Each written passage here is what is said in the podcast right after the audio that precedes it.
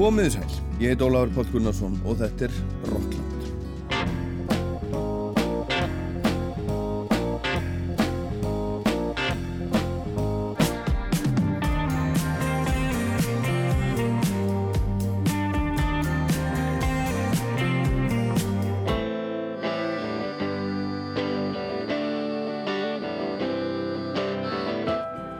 Þætturum í dag ætlum ég að koma við á ímsum stöðum. Ég ætla að rifja upp eitt og annað eins og til dæmis þegar hljómsveitin Coldplay kom til Íslands árið 2001 og heyrum uh, smá brot af, viðtalið sem ég átti við Chris Martin þá og við rifjum upp þegar Bob Dylan spilaði á Newport Folk Festival með hljómsveit 1965 og líðurinn baulaði á hann og ég ætla að segja ykkur frá því að ég sá Bob Dylan núna á 50. kvöldið út í París. Til að tala um það líka. Kolrasa Krókriðandi og Tappi Tíkaras sem spila á Eirarrock tónlistarháttíðin og Akureyri um næstu helgi koma við sögu. Og Björk og platan Biophilia sem kom út 2011 rifið það aðeins upp. Svo fáum við postkort frá Vintage Caravan sem eru búin að vera að túra núna um Evrópu í mánuð í sínum fyrsta headline tour eins og það heitir vinnir þeirra í Volcanova eru með þeim. Fáum postkort frá þeim sem sagt. En við byrjum á Bruce Springsteen sem er að fara að senda frá sér plötu með svona klassískum soul og R&B lögum. Og þetta hérna lag sem að heitir Do I Love You? Honest I Do er fyrsta lagi sem að sendi frá sér á þessari plötu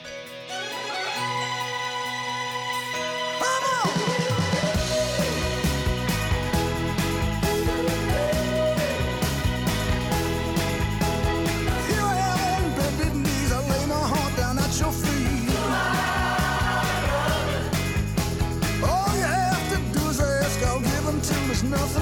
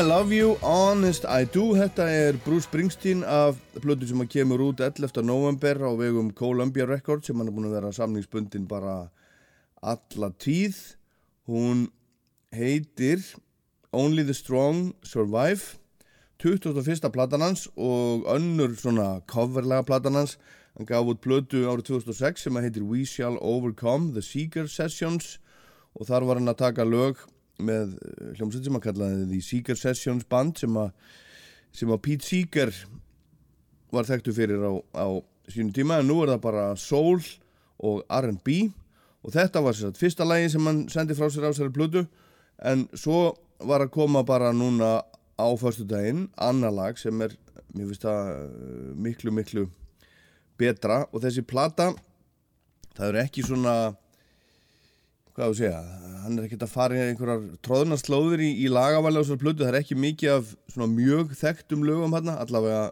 þegar ég sé listan þá þekki ég þetta ekki nærið því allt saman sem er nú kannski ekki segi nú kannski ekki alla söguna en mér finnst þetta að vera svona aðeins minna þekkt músík. Sam Moore úr Sam og Dave er gestur í tveimur lögunum hann og þannig hljómsveit með honum ekki E-Street bandi heldur bara hljómsveit og E-Street blásararnir eru með og þetta eru lög sem að Springsteen hefur alveg stöpið að hlusta á svona 60s og 70s músík. Og ætla að spila hérna lagi sem að hann sendi frá sér á fyrstudaginn sem að er, er lag sem að kom út 1985 með hljómsveitinni Commodores sem að Lionel Richie var einu sinni í en hann var hættur hérna þegar þetta kom út á sínum tíma.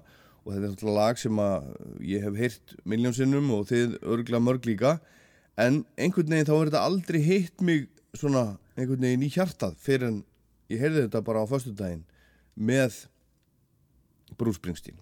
Þetta ótrúlega flott, ótrúlega vel gert og þetta er svona óður til gömlu R&B soul mistarana Jackie Wilson og Marvin Gaye sem að létust báðir 1980 og fjögur. Og þetta kom sér út fyrst 1985 með Commodores en hérna er það með Springsteen The Night Shift.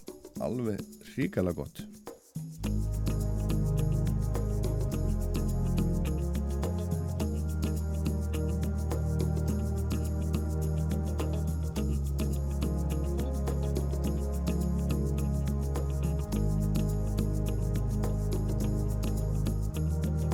Marvin,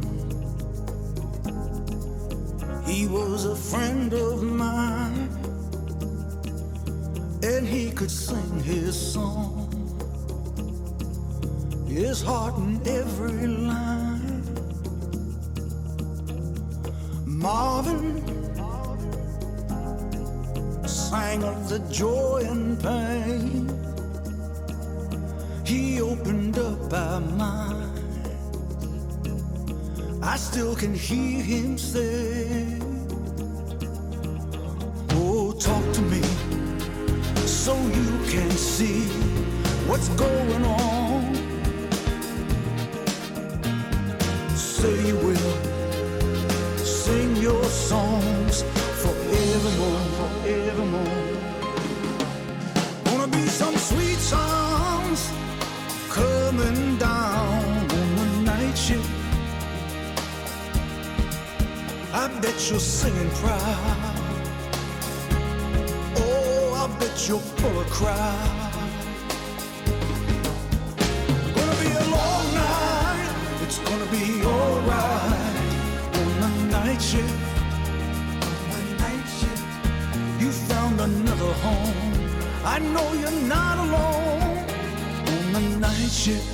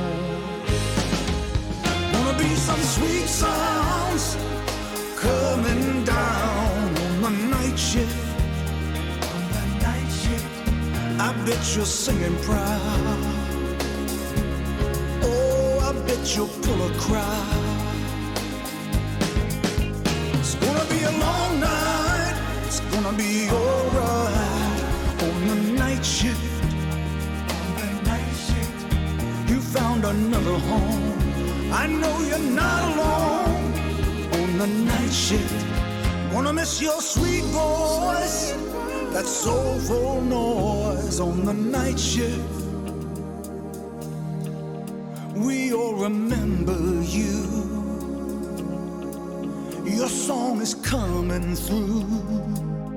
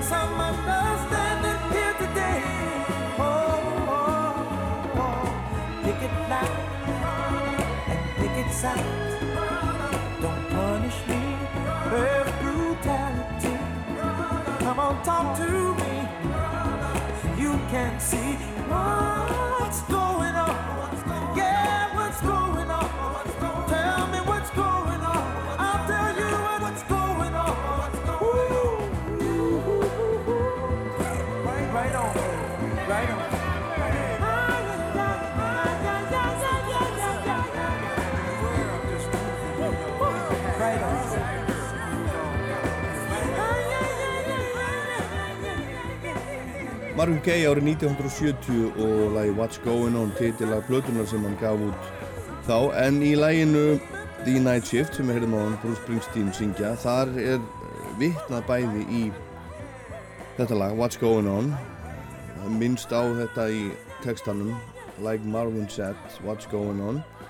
Og þetta lag þetta er ja, þetta lag og þessi plata þetta er bara einn af vörðum Soul og R&B sögunar, þetta er, er svona mótmælasöngur, það var, það var löggu ofbeldi sem að kveikti nýstan að þessu lægi á sínum tíma. En nóðum það, ég ætla að spila annar lag sem er, er minnst á í The Night Shift. Það er nefnilega að tala líka um, um Jackie Wilson og lægin hans Lonely Teardrops. Og skulum heyra það, það er miklu eldra heldur en What's Going On.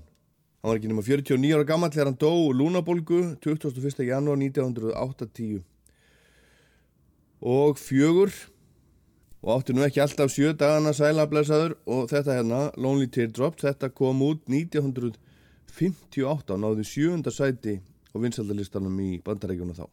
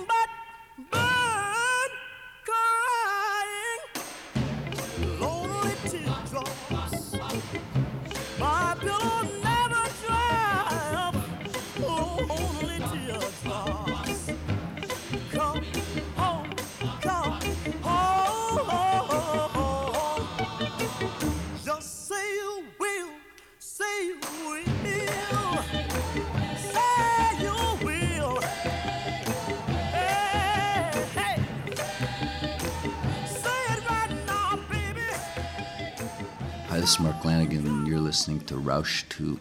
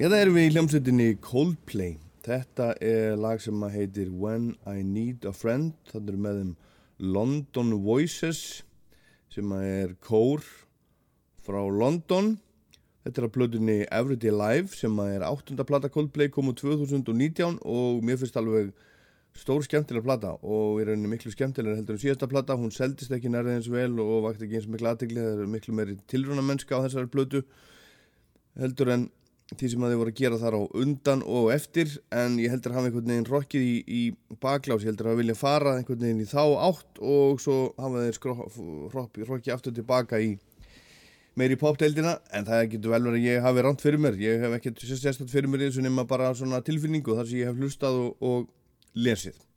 En þetta lag, þetta er svolítið sérstaklega Coldplay lag, þetta er ekki mikið pop þetta er bara næstu því eins og Sálmur og Chris Martin saði frá því í viðtali fyrir nokkrum árum að hann hafi gert þetta lag sérstaklega fyrir mömmu sína, hann vildi gera lag sem hann held að hún hefði gaman af, hún heitir Alison Martin og Coldplay er að túra þeir eru að spila næst í, í Argentínu 25. 25. oktober á Estadio River Plate og þeir eru þar 25., 27., 28., 20. og 9.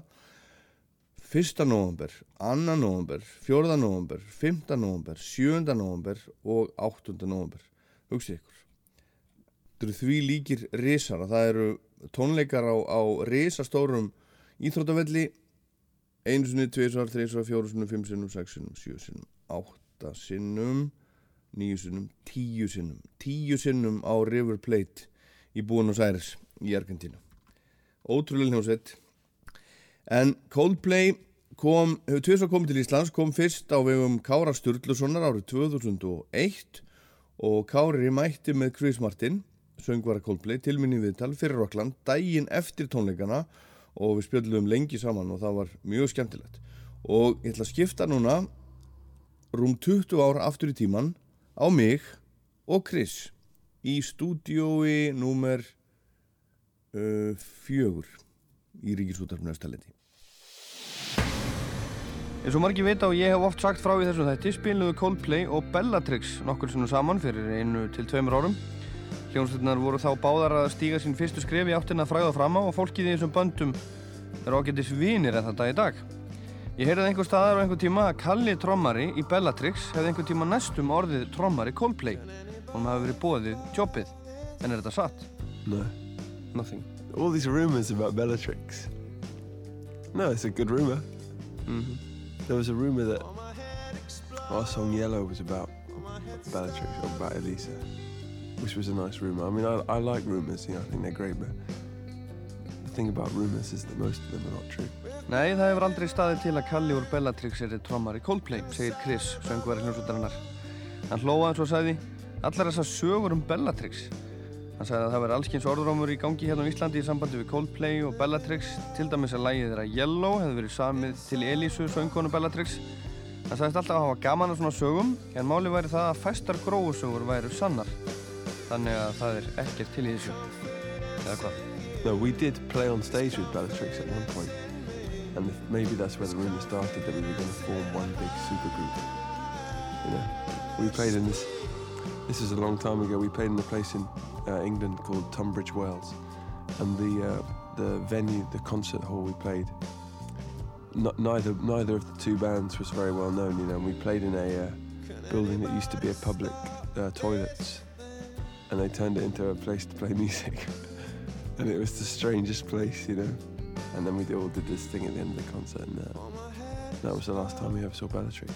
Chris sagði að þarna allar þessar sögursagnir um Coldplay og Bellatrix væru tilkomnar vegna þess að böndin spiluðu einu svonni saman á sviði. Bæði böndin voru sem sagt á sviðinu í einu og hugsanlega hefðu þessar sögursagnir kviknað þar að Coldplay og Bellatrix ætluðu hugsanlega að stopna supergrúpu saman að böndin 2. Ég hafði verið satt að hljómsveitinnar hafi spilað saman Bellatrix útgáfuna af bítlalæginu All Together Now. Tónleikastæðurinn var gamalt almenningsklósett sem var búið að breyta í tónleikastað og Chris segir að það sé mjög einkjælnum staður. En síðan þetta var hefur hann ekki séð Bellatrix spila og hljómsveitin er eins og margir vita hægt. Því miður. En svo Chris söngvari saði hérna á þann, þá er lægið Yellow ekki samið um Elísu söngkonu Bellatrix, segir hann. En uh, hann uh, segir svo sem að þessi saga sé ekki verra en hver önnur, sé bara ekki sönn. En hver er þá sagan á bakvið lægið? the song Yellow, you know, is a is a source for me of constant confusion. I, I can't work out whether it's best song in the world or the worst song in the world or just somewhere in the between, you know.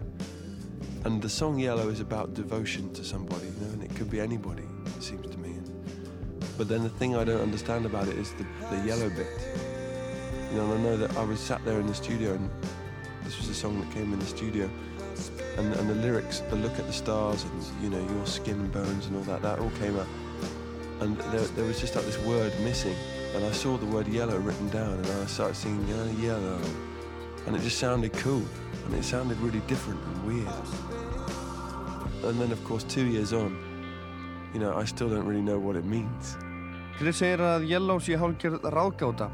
Hann geti með engum móti gert það upp fyrir sig hvort það sé besta lagi heimi eða það alversta eða eitthvað þarna á milli. Hann segir að það fjalli um skuldbindingu og geti í rauninni fjallað um hvert sem er. Lagi var til í stúdiói þegar þið voru að taka upp og textin líka að mestu leiti. Hann segist vera mjög ánæður með textan að mestu leiti en þetta Yellow sem hann syngur aftur og aftur í laginu þýðir ekkert sérstakt.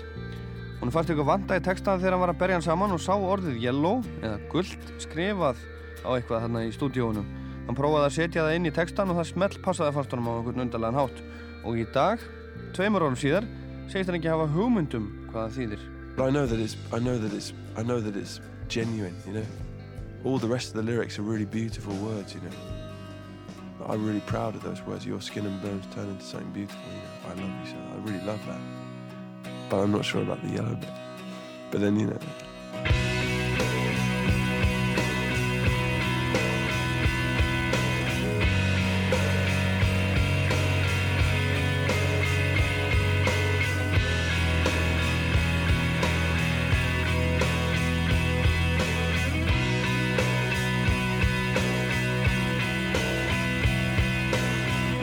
Look at the stars, look how they shine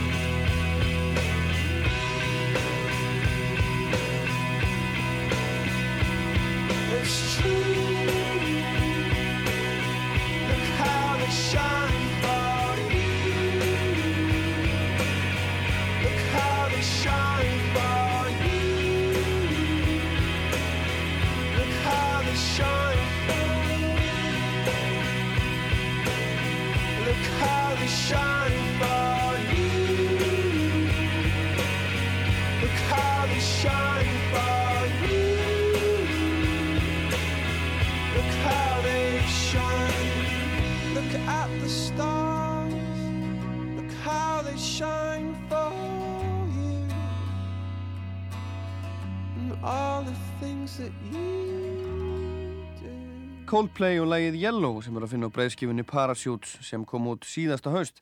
En þetta lag er lagið sem kom sveitin á kortið fyrir réttur um ári og er meðal annars fyrsta lagi með þeim sem heyrðist í útvarpi á Íslandi. Reyndar í þessum þætti í júni í fyrra. Akkurat, takk fyrir það. Þetta var brot úr Rocklandi fyrir 21 ári síðan, 2. september 2001, helgin eftir að Coldplay spilaði í Reykjavík í fyrraskiptið. Við á Rástvö hljóðrötuðum þá tónleikana og við skulum heyra brot af tónleikonum í lögatarsvöld. Lagi Trouble.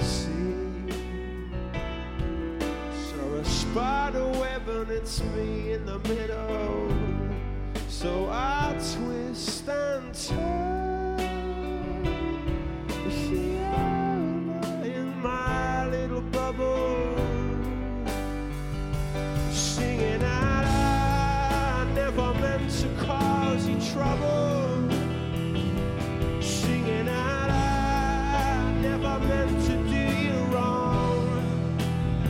And I'll singing out I, well if I ever caused you trouble.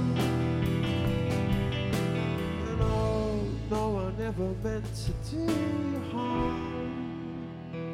I say another love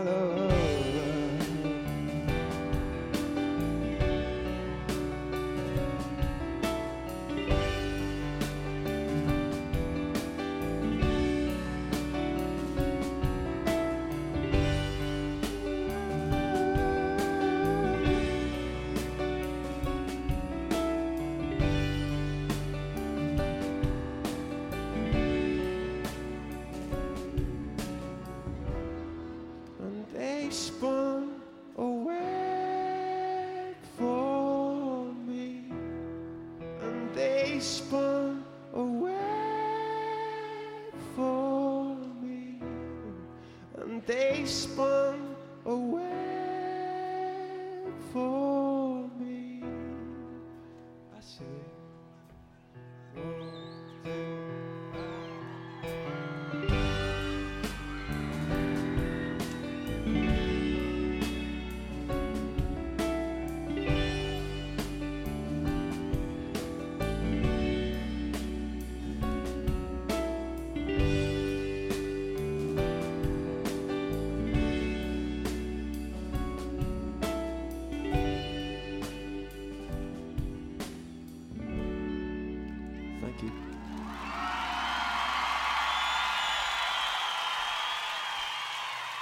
Hljómsveitin Coldplay í Laugardalshöll árið 2001 og lagið Trouble sem er að finna á fyrstu blöðunni þeirra sem heitir Parachutes. Parachutes og þeir eru stjörnur um allan heim þeir eru gátt þessar blödu og fór út um allt en eru svo miklu, miklu, miklu stærri og þekktari í dag heldur en, heldur en þarna. En það tengja svolítið hljómsveitinnar Coldplay og Kolrasa krógriðandi við skulum koma því hérna á eftir. Kolras er að fara að spila um næstu helgi á Akureyri koma því líka á eftir en hún Elisa Newman söngkona úr Kolrusu og Bellatrix hún var að senda frá sér lag núna sem að heitir Ósýnileg og hún segir um þetta lag. Eða sagðum það, það þegar að koma út núna fyrir nokkur dögum. Í dag kemur út nýtt lag frá mig sem heitir Ósýnileg og er partur af fymtu sólubreiðskjöfunum minni sem kemur út í enda þessa mánadar það er sagt núna í oktober hugmyndina læginu kviknaði í framaldi af MeToo-byltingunni og er einhvers konar endurspeglun á því hvernig það er að vera kona í dag. Lægið öðlaði svo meiri dýft gekk í gegnum erfið veikindi fyrir tveimur árum á COVID tímabilinu og þá einangrun sem fyldi sem lendi til þess að mér fannst ég í raun ósýnileg. Lægið er óður til hvenna því konur eru ofurrafl og þær flytja fjöll þó svo þær gera það oftast án láta yfirgangs og ofsa. Endilega hlustið með hjartanu ef ykkur langar, segir Elisa. Og hér er lægið. Ég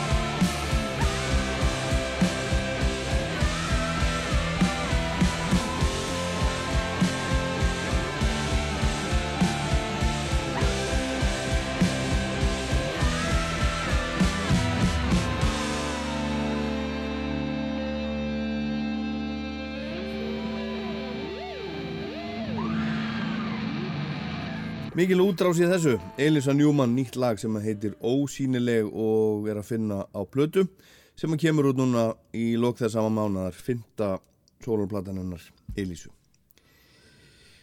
En nú skulum við fara og erum ennþá með Elisu, fara 30 ára aftur í tíman á músiktilraunir í Tónabæ. Þá er rauðin komin að, eh, rauðin er komin að fjórðu hljómsveitinni sem keppir til úrslita í músiktilraunum í ár.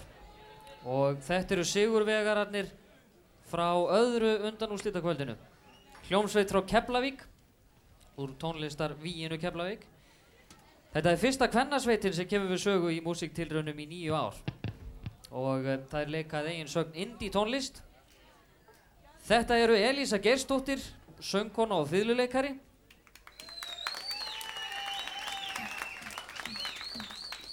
Sigrún Eiríksdóttir á gítar Ester Ásgeirsdóttir bassaleikari.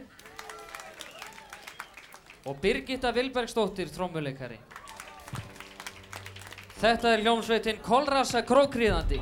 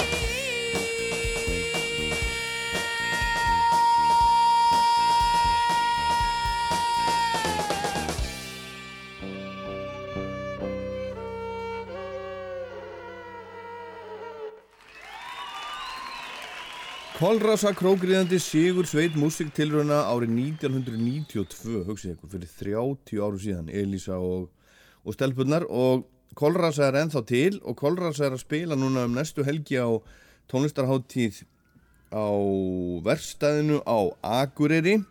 Núna bara föstu dagur og lögadagur og þar verða Kolrasa og þar verða Langisel og Skuggarnir á föstudaginn og Mósi Frendi og Skeppna og Brimbrot og Tappi Tíkaras og lögadeginum er það svo Power Paladin, Viki, Helgi og hljófarleikararnir, Ekkert, Norður og Töð en við skulum rifja upp spjall við Tappa Tíkaras ég hitti þá á eða fyrir tónleikar sem fóru fram á Hurra 19. janúar 2017 þar sé að Gumma Trommara Jakob Bassarleikara sem var núna í gæra að spila með SS Soul í Háskóla bjói og söngvaran Eithor Arnalds Ef ekki segja bara að við vorum alltaf vinnir. Það er svo leiðis.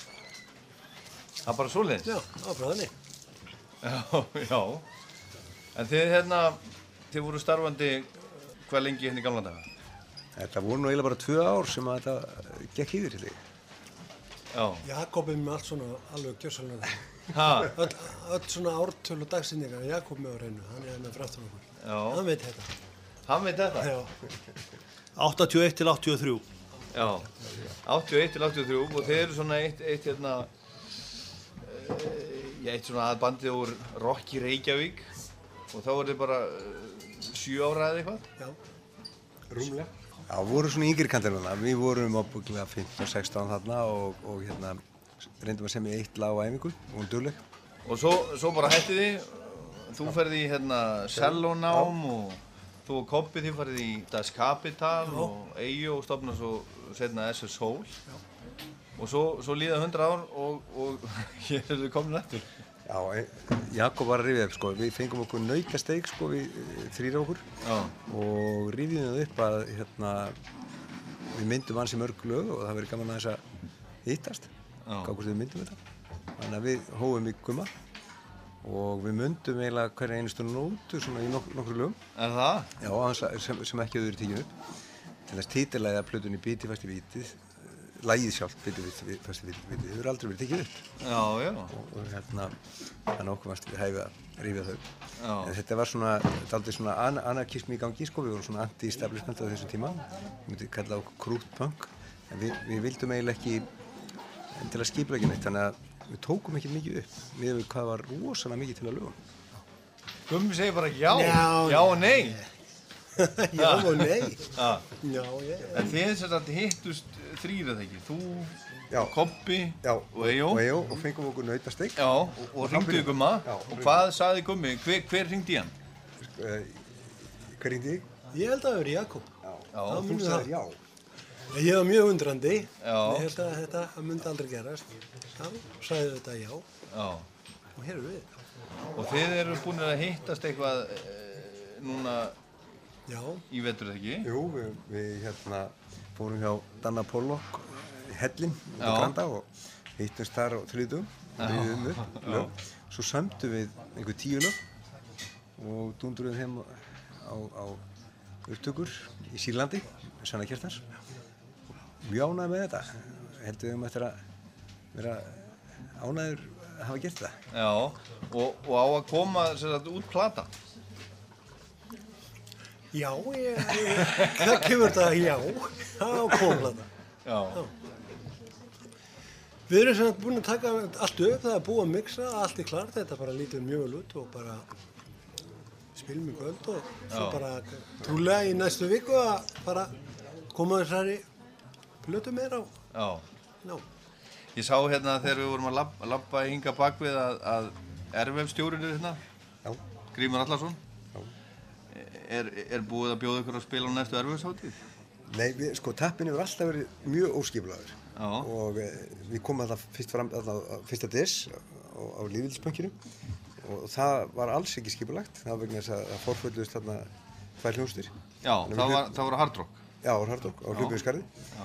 og svo einhvern veginn var þetta bókað svona fyrir tilvíðinu þannig að við höfum aldrei, aldrei skipulagt okkur og, og hérna tappin hefur einkennst af því að vera gjörsanlega óskipulaður þannig að ef það búið að bóka okkur þá vitum við ekki af því.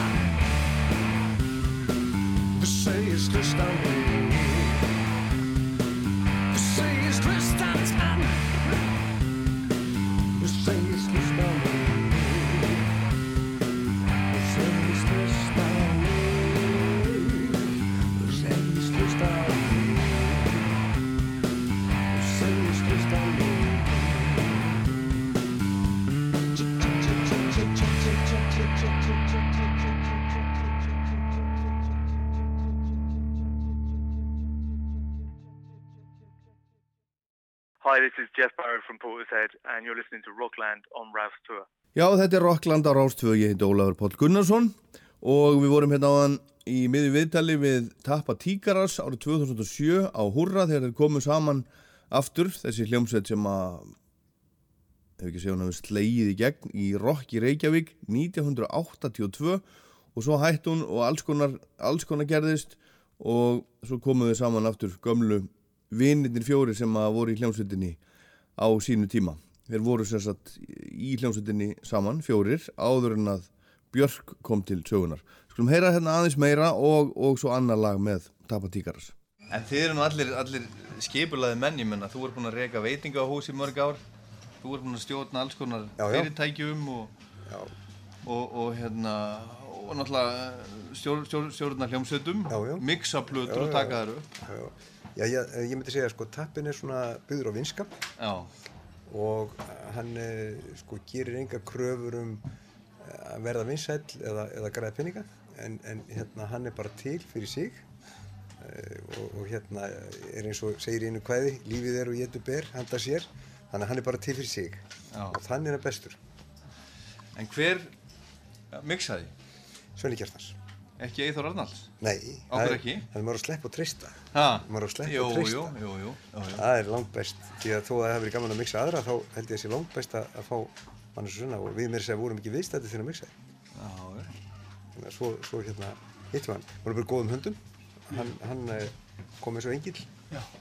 En hvernig er svona, veist, er einhver, er einhver tenging á milli þessara gömlu laga sem þið áttuð og þessara nýju? Já, mjög, mjög sterk eh, ég myndi segja að það, þetta kemur allt saman frá hjartan og ég er ekki að grínast, þetta er ekki væmni, þetta er bara slis og þetta Jakob er sammála því, ég er ekki Jakob? Þetta kemur frá hjartanu. Jakob er í já. Allt á hjartanu, jú. Já, allt frá hjartanu. Og þess vegna er þetta eins. Eithor, ég, hérna, langar, langar að spyrja það út í, sko, ég man eftir, sko, eh, ég sá Rocky Reykjavík í bíón og Akranesi þegar ég var, var líklega 13 ára, Já. eitthvað svo leiðis, ábyggilega yngstur í bíó, mikið moment, róðfull bíó. Ég skildi ekkert í þessum, þessum klæðaburði á, þessum manni, Nei. þessum unga manni. Nei. Allir, þú veist, það var, það var svona punk, þarna varst þú með sítt hár Já. og einhverjum, einhverjum, einhverjum, hérna, gammosíum. Já, já, alveg rétt.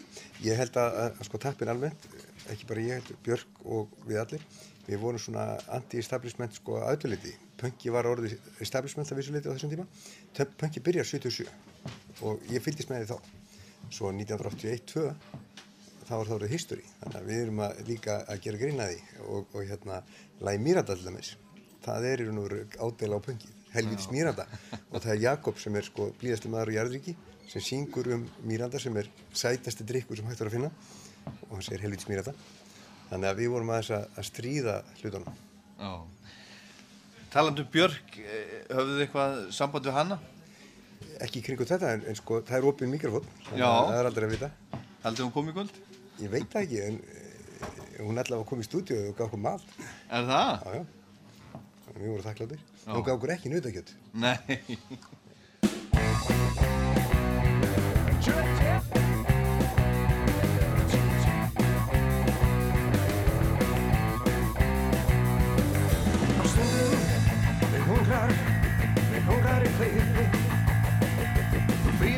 Saklaus og Ég er bara að taka hlupa burt, burt, burt, burt Hver hefur hopp fram með Hallóstaðaskó?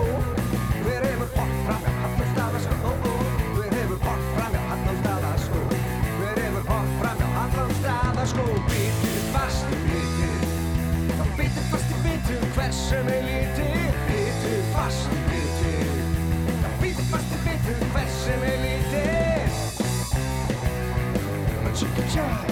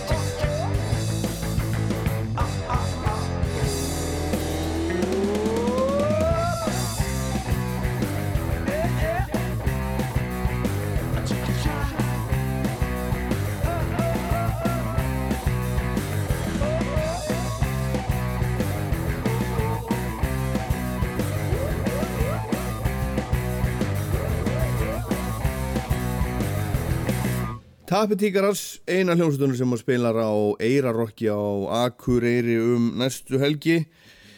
Röggvaldur Gáði, hann er í fórsprakki fórsvari fyrir þetta, einn af fórsprakkum hátíðarinnar og einhverjir einhverju vinnur hans í kringum hann. Gerði þetta í fyrra og þetta hefnaðist mjög vel og, og þetta bara er örgulega stór skemmtilegt næstu helgi á Akureyri Eirar Rock en þá ætlum við að skipta yfir til Evrópu til Vintage Caravan heyra postkort frá Vintage Caravan Já, halló, við erum hljómsveitin undir Vintage Caravan. Ég heiti Stefán Ari.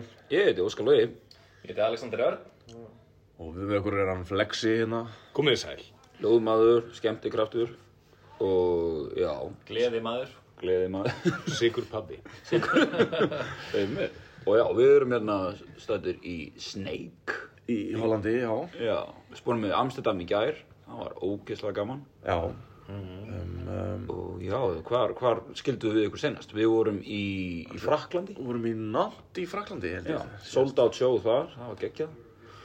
Við erum alveg gaman og svo uh, hendum við okkur til, hvað var það að gera? Champagne. Champagne í Fraklandi, þar sem við fengum einmitt kampavín eftir tónleikana og það var alveg gómsætt. Já, ansi. reynir reynd útsagt, uh, bræðast það bara alveg eins og eitthvað kampavín sem maður fekk í ríkinu ekkert tímann. Í rauninni, en... Það var kúl. Já, allavega, þetta var, var nokkuð skemmtilegt, sko. Og já, þetta er bara búið að vera mjög vel mætt alls, alls þar og bara búið að vera afskaplega gaman. Góðu tónleikar, svo við segjum sjálfur frá. Volkanóa menn er að alveg að brillera. Eru að, þeir eru, eru sem sagt standið því að selja varningin okkar svona eftir sjó og svona og þeir eru, já, standa sér ansi vel í þeim málum.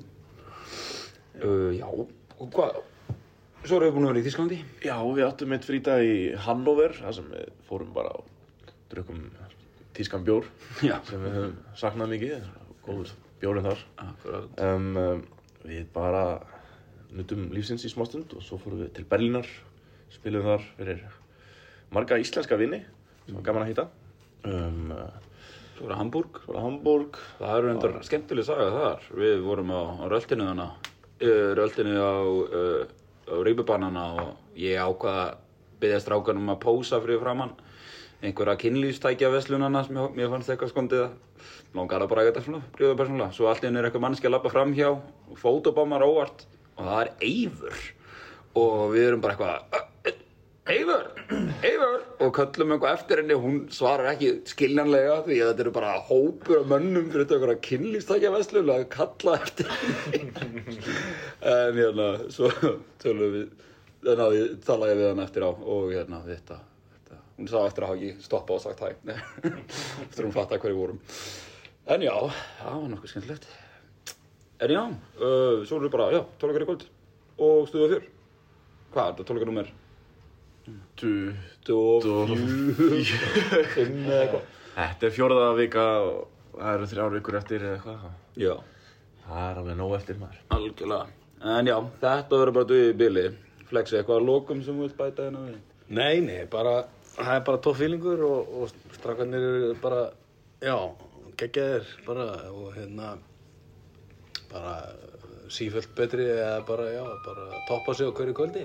Báðar hljómsöldir Gaman að heyra. Sönn ánægja að vera með þeim. Takk einlega fyrir okkur. Í gott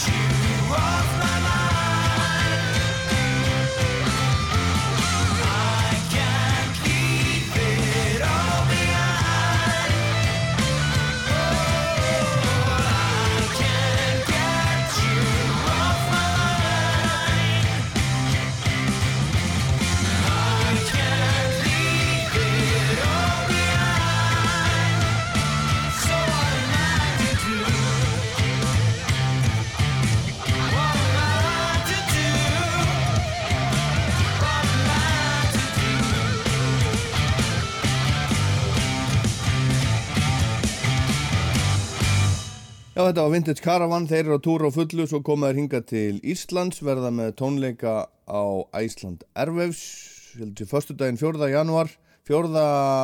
november segi ég, svo verða þeir 15. november á lítilli tónlistarháttíð á Akranesi sem heitir Heimaskægi, svo fara þeir og spila á tónleikum, sínum eigin tónleikum í Hörpu eftir það einhver tíman í november. En nú er það Bob Dylan, ég var í París núna í vikunni, lendi þar á miðugudaginn og kom heim í gær, var þar á lítilli tónlistarástefnu og áttaði mig ekki á því fyrir en ég var komin til Parísar að Bob Dylan, einn af mínum uppáhalds tónlistarvinum í gegnum tíðina bara síðan ég var strákur, væri í borginni með þrenna tónleika í litlu gömlu leik og bíóhúsi, The Grand Rex, allt uppselt að sjálfsögðu. Vinnuminn, franskur útvarsmaður sem heitir RV, fór með dóttur sinni á miðugutaskvöldið saði mér frá því á 50. morgunin til dæmis að það hefði verið mjög gaman til hann hefði verið flottur og þau bæði skemmt sér vel og svo fram við jís og ég ákvað að reyna að komast en það var enga miða að fá á netinu en ég ákvað bara að mæta á svæðið og reyna að finna miða og ég bara mæli með því og ég fann miða um leið og ég mætti. Það var fólk að selja miða, það er alltaf fólk fyrir utan að selja miða, þetta heitir náttúrulega svarka, svarta markaðs, brask og allt það. En þetta er bara eitt af því sem að sumt fólk út í stóru landónum gerir til þess að eiga í sig og á. Kostaði 200 eurur miðin en þetta var Bob Dylan. Kannski síðasti séns fyrir mig til þess að sjá hann Og ég sá Dylan sér að spila á fymtudaginn í París og ætla að segja ykkur aðeins frá því hérna á eftir. En fyrst skulum við fara í svolítið ferðalag. 11 ára aftur í tíman og revja upp reyndar sömari 1965 þegar þessi samigóir þá bara réttur umlega tvítur spilaði á Newport Folk Festival. Þar sem hún Árni Margret spilaði til dæmis núni sumar og Joni Mitchell en Dylan á Newport 1965 er í öllum tónlistarsögu bókum þegar Dylan kom með ramaskítar á þjóðlagaháttíðina og líðurinn baulað á hann. Skulur við þetta aðeins upp. most of the time. It's well understood most of the time. I wouldn't change it if I could. I can make it all match up. I can hold my own. I can deal with the situation right down to the bone. I can survive and I can endure. And I don't even think about her most of the time. Þetta er Bob Dylan. Gýðingur, sonur kaupmannshjóna frá Minnesota í bandarækjanum, eitt mesta ólíkinda tól rocksögunar og eitt merkilegusti tónlistamæður síðustu aldar og kannski eitt merkilegusti maður aldarinnar meira segja. Og þetta lag sem við heyrum hérna, þetta heitir Most of the Time og er orðið meira en 20 ára gammalt, kom út árið 1989 á plötu sem heitir Oh Mercy. Það eru margar sögurnar til á Dylan og það hefur skrifað margar bækur um hann, hann hefur sjálfur skrifað um líf sitt og textin sem hefur verið skrifaður um hann, lögin hans og textana er alveg gríðalög. Allt efni sem er á netinu fyrir utan alla tónleikarna sem eru til á meðal aðdáðandans um allan heim. Dylan er bara allstaðar út um allt risastór og enn eru menna veitt nýjan, tala um hann, syngja lögin hans og það líður allar mánuður þannig að hann sé ekki á forsýðum helstu tónlistartímarita heims. Og einn þekktasta sagan á Dylan fjallar á það þegar hann mætti á Newport þjóðlagaháttíðin á Rhode Island í Ameríku árið 1965 með ramaskítar hangandi framann á sér og með rockband sér til aðstóðar og allt var vittlust, segir sagana minnstu kosti. Þetta er dálítið sérstatt allt saman vegna þess að þó svo Dylan hafi á fyrstu plötunum sínum að mestu verið einn vopnaður kassagítar þá var hann þegar þarna var komið sögu búinn að gefa út fimm plötur og svo nýjasta Bringing It All Back Home er langt frá því að vera einhver svona kassagítarplata hún byrja til dæmis svona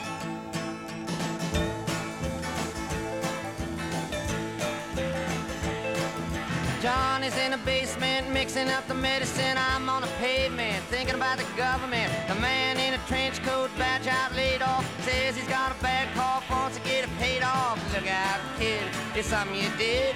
God knows when, but you're doing it again. You better duck down the alleyway. looking for a new friend. A man in a coonskin cap in a pig pen wants eleven dollar bills. You only got ten.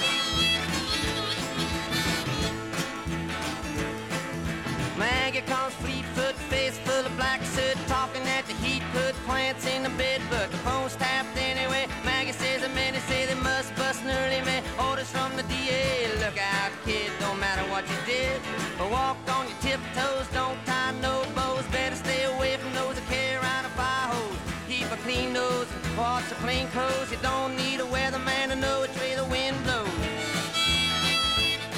Svona hljóma Dylan á Bringing It All Back Home sem kom út í mars 1965, nokkru mánuðum áður en að tróði upp á Newport hátíðin í fyrsta sinn með hljómsveit og allt var brjálað. Fólki baulað á hann, segir sagan. En þetta hefði sem sagt ekki átt að koma nefnum óvart hannilega, fólk vissi alveg að hann hefði breytt um stílmaðurinn og var alltaf að breytast og hefur alltaf verið að breytast. En Dylan var búinn að spila þarna árin tvö á undan, 63 og 64, í folkgýr, einn vopnaður kassagítar, Hann var bjartast á von þjóðlagadeildarinnar í Ameríku, þessi ungi maður sem hafði svo mikið að segja og hafði samin lög eins og Blowin' in the Wind sem er eitt sterkasti mótmælasöngur sem samin hafi verið og er enn þetta í dag einn allra sterkasti mótmælasöngur sögunar gegn stríði og almennt. The cannonballs fly before they're forever banned? The answer, my friend, is blowing in the wind. The answer is blowing in the wind.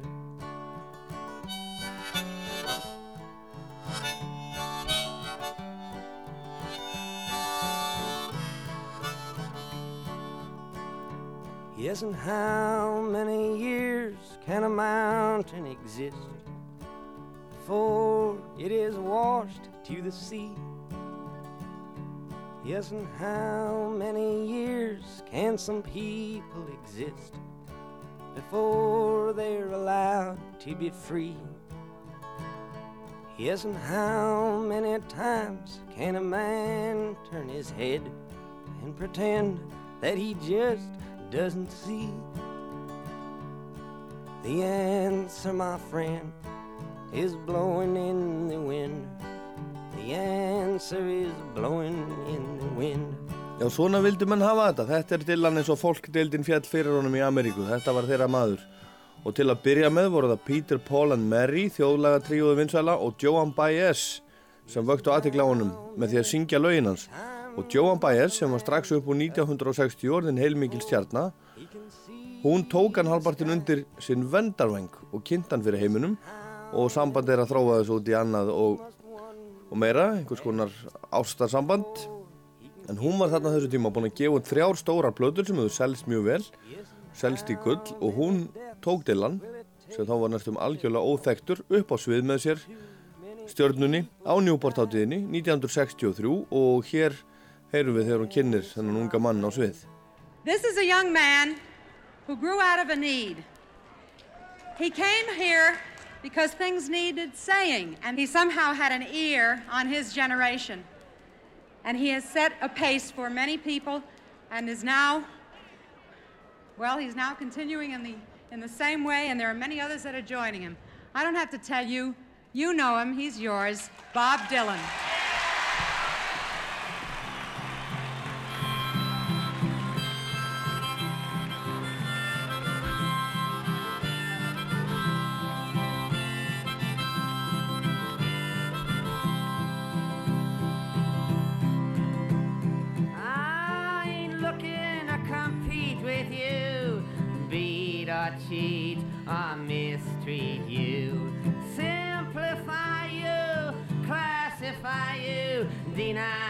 Defy or crucify you. All I really wanna do is baby be friends with you.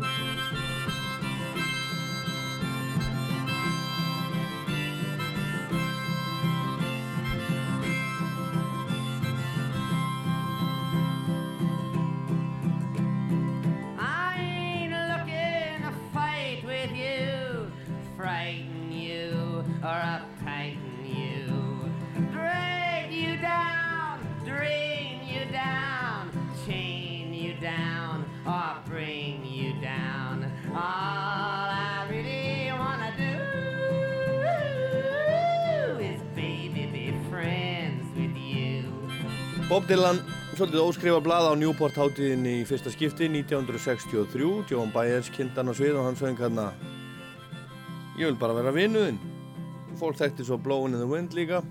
Það var komið út á plötunni Freewheelin þarna bara mánuði fyrr og Peter Paul and Mary tókuð upp á sína alma og gáðu út og það vinsalt og John Baez var líka búinn að syngja eitthvað af lögum eftir, eftir Dylan. Þannig að hann var svona ungu maður, einhverju þekktan en fleiri þekktu lögin hans Svo kom hann aftur á Newport þarna árið eftir, 64 og þá hljómaði hann svona.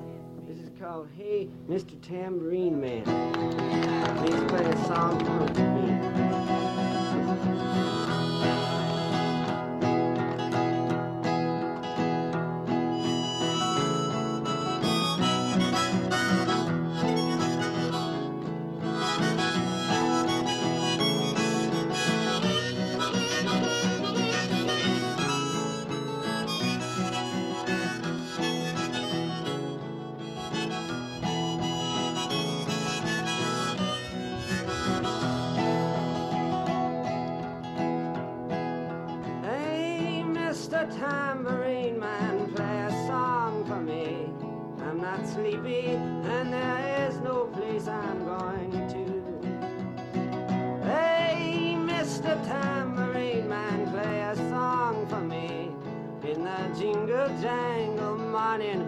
Come following you. Though I know that evening's empire has returned into sand. Dylan á Newport 1964, alveg grafar þögn, svona þetta að vera, þetta er frábært, þetta er okkar maður, okkar Bob, hugsaði fólkið. Og árið eftir, þá var hann svo auglýstur sem aðal númer hátíðarinnar, 25. júli 65, fimm dögum eftir hann hafði lokiði mestu við, við að taka upp sjöttu plötuna, Highway 61 Revisited, og í þetta skiptið þá steig hann á svið vopnaða ramaskítar og með hljómsveit með sér. Og sagan segir, rock sagfræðin segir að fólkið hafi baulað á hann vegna þess að hann var ekki eins og árið áður og með ramaskítar. En Al Cooper sem spilaði með honum á þessum, þessum tónleikum á Orgel segir að þetta sé bara ekki alveg satt. Al Cooper þessi, hann er enn að spila, hann er orðin 67 ára gammal, var 21 árs þegar hann spilaði með Dylan á Newport á Orgel. Og hann spilar á Orgelið í Like a Rolling Stone sem var þarna nýkomið út. Laug eiginlega hann kynna orgel þegar lægi var tekið upp, hann var nýbyrjaðar að fekta eða kunni eitthvað pingu lítið var fyrst og fremst gítarleikari og var sem sagt komin í upptökusessjónuna sem gítarleikari. Þegar hann heyrði hinn gítarleikarinn í sessjónunni spila, Mike Bloomfield hann bara pakkaði gítarnu niður. En vildi alls ekki missa því að spila með Dylan og, og, og smiklaði sér inn í stúdíu og settist við orgelið og spilaði með. Og Dylan var hrifin að þessu og sagði hækkið í orgelinu þegar upptakan var svo spiluð. Og hann hefur spilað hann á 100 platna til dæmis með Rolling Stones og Jimi Hendrix Lynyrd Skynyrd spilað til dæmis á Freebird og Sweet Home Alabama. Og hann stopnaði svo síðar hljómsveitina Blood, Sweat and Tears en hætti fljótlega. En við skulum heyra hvað hann hefur að segja um þetta þess að vörðu í Well, the concept of him playing electric was sort of conjured up a couple of days before the show. And I actually had bought tickets and uh, went to the show. I used to go every year. It was like sort of a social thing. It was Facebook for the summer back in those days. so there I was, and I was walking around in the afternoon, and I bumped into Albert Grossman, who was Bob's manager at the time. And he said, uh, Bob is looking for you. Why don't you meet us back here tonight? Here's some passes. So I hooked up with Bob, and he said that he wanted to play live, and would I play with him? He wanted to play with the band. And he was going to use uh, Butterfield's band, but he wanted me to play with them. I said, sure, sounds like fun. And we had just finished doing the album. Maybe we were two weeks after we did the album, something like that. So, you know, it was fresh in my mind and everything. The night before, Saturday night, because we played on a Sunday, we had a rehearsal at one of those like millionaires' mansions in Newport. And we stayed up all night, and the Butterfield band was not the right band to do that with. And so he had a lot of trouble. I mean, Bloomfield, you know, was great. And uh, I'm not saying that the rest of them were not great, but it wasn't, some of it wasn't the music that they played. And so we only got three songs rehearsed Mhm. that we could play. so uh, Bob was headlining the festival, and a lot of college kids came, you know, just to see him and like sat through all this, what they thought was bizarre music, just to hear Dylan. The average set was between 45 minutes and an hour. And we came out, and first of all, we played electric, which was bizarre for Newport, although other people had done it. Chambers Brothers and Butterfield are two that come to mind. And then we only played for 15 minutes because we only had three songs rehearsed.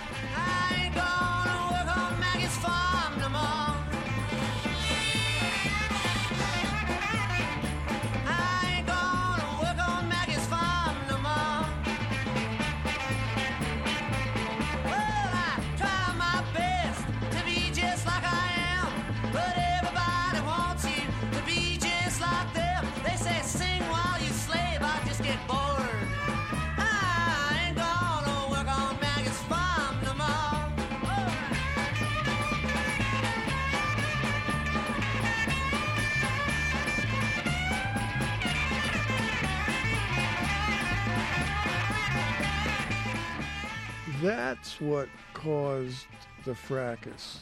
Here's the headliner of the festival, and he plays only a quarter as long as everybody else has played. People didn't like that.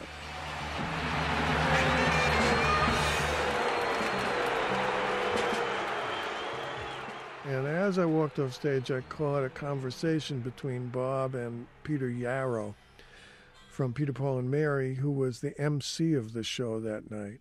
And he said, uh, Where are you going? What are you doing? He said, uh, We only know three songs. he said, well, well, why don't you play some acoustic songs? He says, I, I, I don't have an acoustic guitar with me. He said, Well, take mine. You can't just leave them like that. And he said, uh, Okay. And then he went out and played what I thought was the best part of the whole show. Was uh, he played uh, "It's All Over Now, Baby Blue"? Good choice. You must leave now, take what you need, you think will last.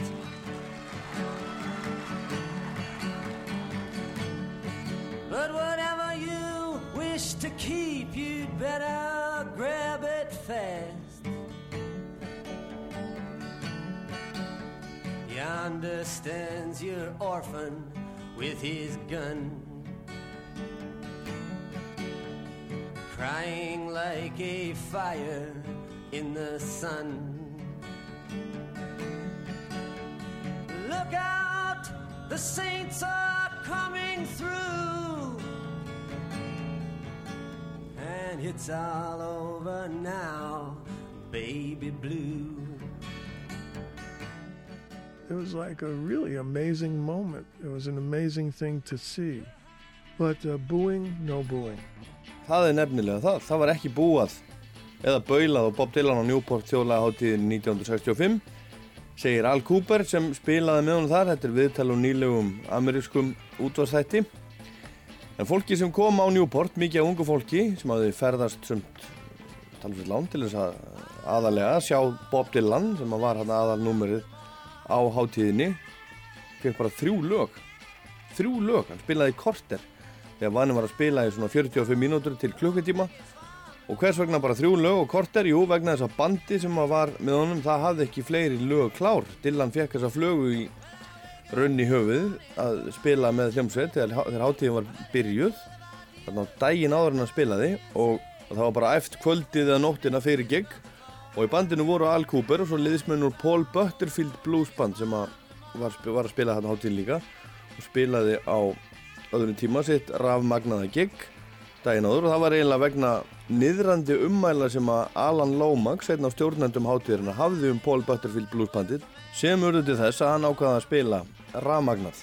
Það var hérna daginn áður en að Dylan átt að spila þegar hann kynnti hljómsveitin á svið.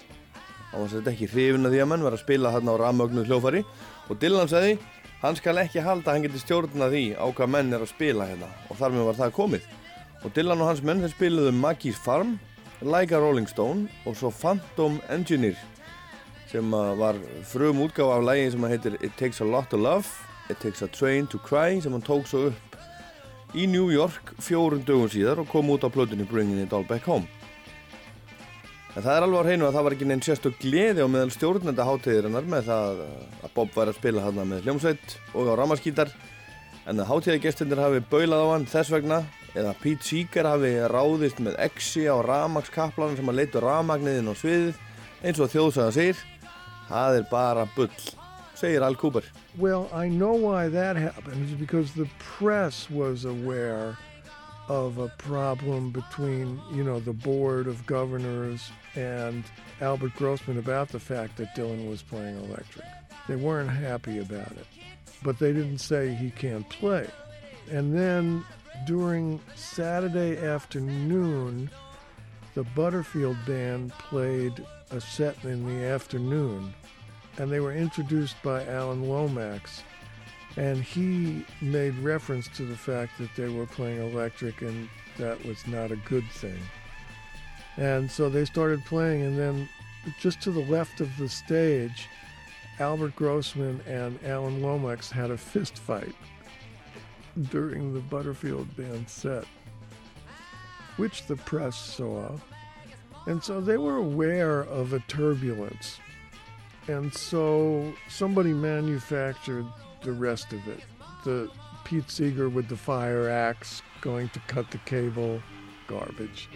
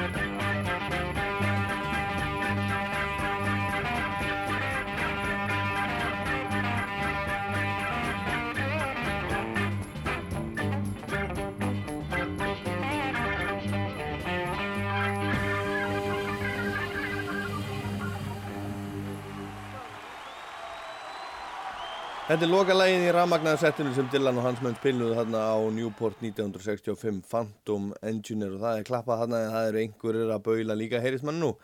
En Al Cooper var hérna, hérna undan að tala um að það hafi verið spenna í loftinu hérna á hátíðinni á milli Albers Grossman sem var umbóðsmaður Dylans og líka einn af þeir sem var stopnuð Newport hátíðina 1959 og Alans Lomax sem var líka var einn af stopnendunum og stjórnendunum.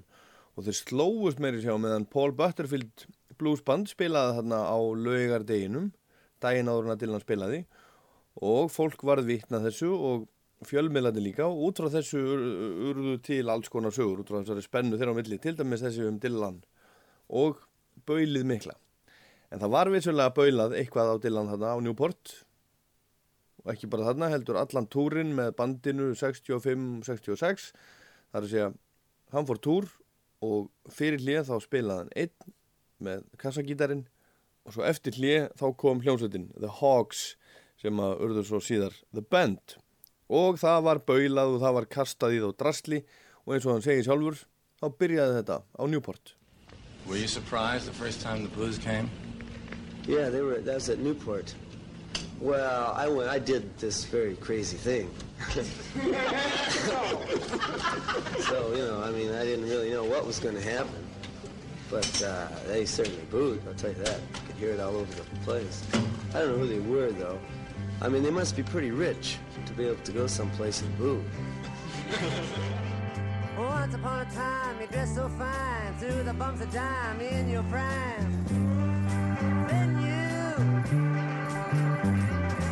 people call, say, beware, doll, you're bound to fall. You thought they were all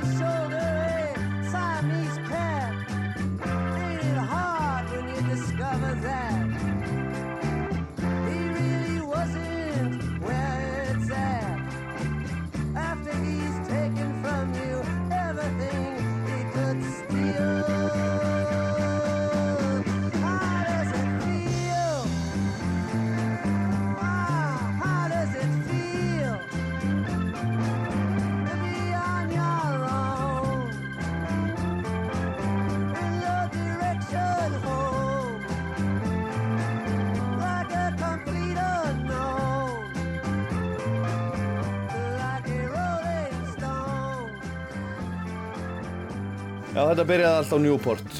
Ég veit ekki hvaða fólk þetta var eða hvaðan það kom, en það baulaði svo sannarlega og það hlýtur að hafa verið ríkt að mæta á svona hátíð til þess að baula og fólkið hló.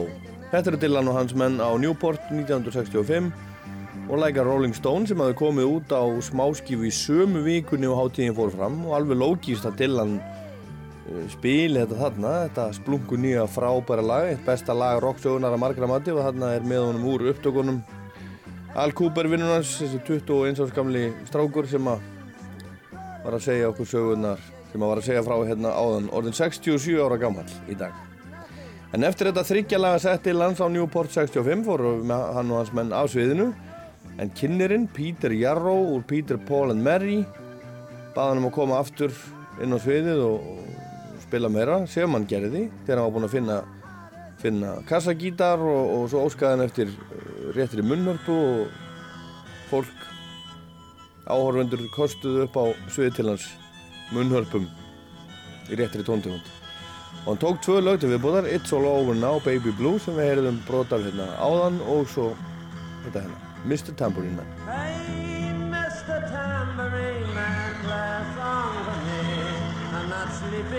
and there is no place I'm going to.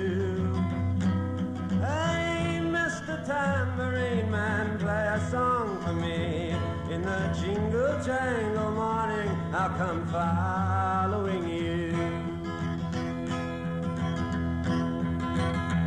Though I know that evening's empire has returned into sand, vanished from my hand, left me blindly here to stand, but still not sleeping. My weariness amazes me, I'm branded on my feet. I have no one to meet, and the ancient empty streets too dead for dreaming. Hey, Mr. Tambourine Man, play a song for me. I'm not sleepy, and there is no place I'm going to. Hey, Mr. Tambourine Man, play a song for me. In the jingle jangle morning, I'll come following you. Take me on a trip upon your magic swirling ship. My senses have been stripped. My hands can't feel to grip. My toes too numb to step. Wait only for my boot heels to be wandering. Bob Dylan 1965, 24 ára gamall, spámaður með gítar. Þegar hann spilaði á Newport Folk Festival næst voru liðin 37 ár, það var árið 2002 og alla tónleikana var hann með hárkollu og gerfi yfirvaraskegg. Hann er ódreiknarlegur, ódreiknarlegur þessi náingi sem að fekk bókmöntavellu Nobels fyrir nokkrum árum, fyrstur svona rockskálda En nú er Bob orðin 81 árs gammal, reikull í spori en áfram heldur hann að túra, hann er alltaf að spila, endalust, vill helst vera á ferðinni, hann er búinn að spila síðan 1988, uh, yfirleitt meir en 100 tónleika á hverju ári, þetta var, var breyting á því núna í COVID en síðan 88, 100 tónleikar pluss á ári. Og það eru ekki allir ánæðir, sumir bara eru mjög glæðir að sjá hann en aðrir hafa sagt bara hvað er maðurinn að gera upp á, upp á sviði hann gefur ekkert af sér og er bara hundleðilegur og ætti bara að hætta þessu. En hann var sérstaklega að spila núna í París í Grand Rex 2700 manna leikhúsi núna í vikunni. Ég sá hann á 50 daginn og lagalistir er búin að vera meir og minna, minna sá sami uh, í þessum túr sem er bara hluti af því sem heitir The Never Ending Tour. Hann er búinn að spila 88 tónleika í það, í það heila. Hann byrjaði á Watching the River Flow svo kom Most Likely You Go Your Way and I Go Mine. Og svo voru þarna lög af nýju plötunni en hann spilaði líka til dæmis I'll Be Your Baby Tonight Gotta Serve Somebody endaði svo Every Grain of Sand til dæmis. Og, og þetta var bara flott band, hann stóð fyrir aftan, aftan piano hann var ekki með hatt á höfðinu eins og svo oft hefur verið. Og mér fannst bara frábært að sjá hann. Ég var í góðum félagskap og þegar hann, þegar hann spilaði lagið I Contain Multitude sem ég ætla að enda hérna á sem er lag af nýjustu blöðunni Rough and Rowdy Ways, þá fekk ég nú bara reynlega tár í auga. Og fólk var til í þetta, þetta voru alltaf aðdáandur sem að voru, voru mættir hérna og fólk var komið í húsið alveg klukkutíma áður en að byrja að spila. Miðin kostaði bara í miðarsölu 150 eurur sem er alveg, alveg slatti og þetta var fólk á ymsum aldri, ekki á öllum aldri, það voru margir svolítið gráharið þarna en það var fullt af yngra fólki líka en það höfðar til hann til ungs fólks líka þó þessi náttúrulega minna heldur en var kannski þegar hann var ungur maður sjálfur.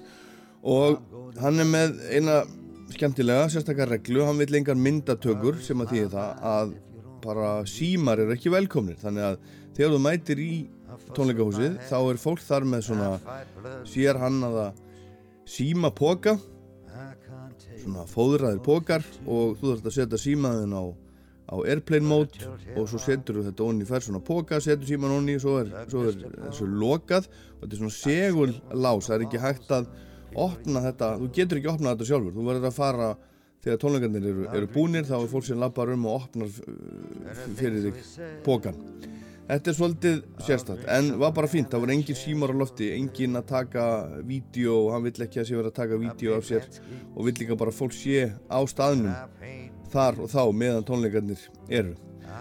Og ég mun lifa þessu lengi, það var ótrúlega gaman að fá að sjá Bob Dylan enn einu sinni í þessum túr, kannski í síðasta sinn. Ég sá hann í bæðiskiptin sem hann spilaði á Íslandi og allavega einu sinni á Róaskjeldu og nú er hann orðin þetta 81 á skamall hann er svolítið valdur á fótunum en, en svona lappaði af og til svona til hliðar við píanói sem hann satt við og spilaði og söng. Svona let sjá sig. Hann er laungu hægtur að spila á gítar á tónleikum og bandi á frábært. Og þetta var bara ótrúlega skemmtileg óvænt upplifun. Að detta þarna óvæntinn á tónleika með Bob Dylan. þannig ég segi bara takk fyrir mig. Og Rocklandir er búið ég ætla að enda á læginu sem að framkallaði lítið tár í auga hjá mér á 50 daginn I Contain Multitudes. þetta var Rockland, ég er Dólar Pál Gunnarsson. Takk fyrir að hlusta. Já ég kefti ból og ég er í hann I sing the songs of experience like William Blake. I have no apologies to make. Everything's flowing all at the same time. I live on a boulevard of crime. I drive fast cars and I eat fast foods. I contain multitudes. Pink pedal pushers, red blue jeans all the pretty maids and all the old queens. All the old queens from all my past lives. I carry four pistols and two large knives. I'm a man of contradictions. I'm a man of many moods. I contain multitudes. You greedy old wolf, I'll show you my heart, but not all of it, all of the hateful parts. I'll sell you down the river, I put a price on your head. What more can I tell you? I sleep with life and death in the same bed. Get lost, madam. Get up off my knee. Keep your mouth away from me. I'll keep the path open, the path in my mind. I see to it that there's no love left behind. I play Beethoven sonatas, Chopin's preludes. I contain multitudes.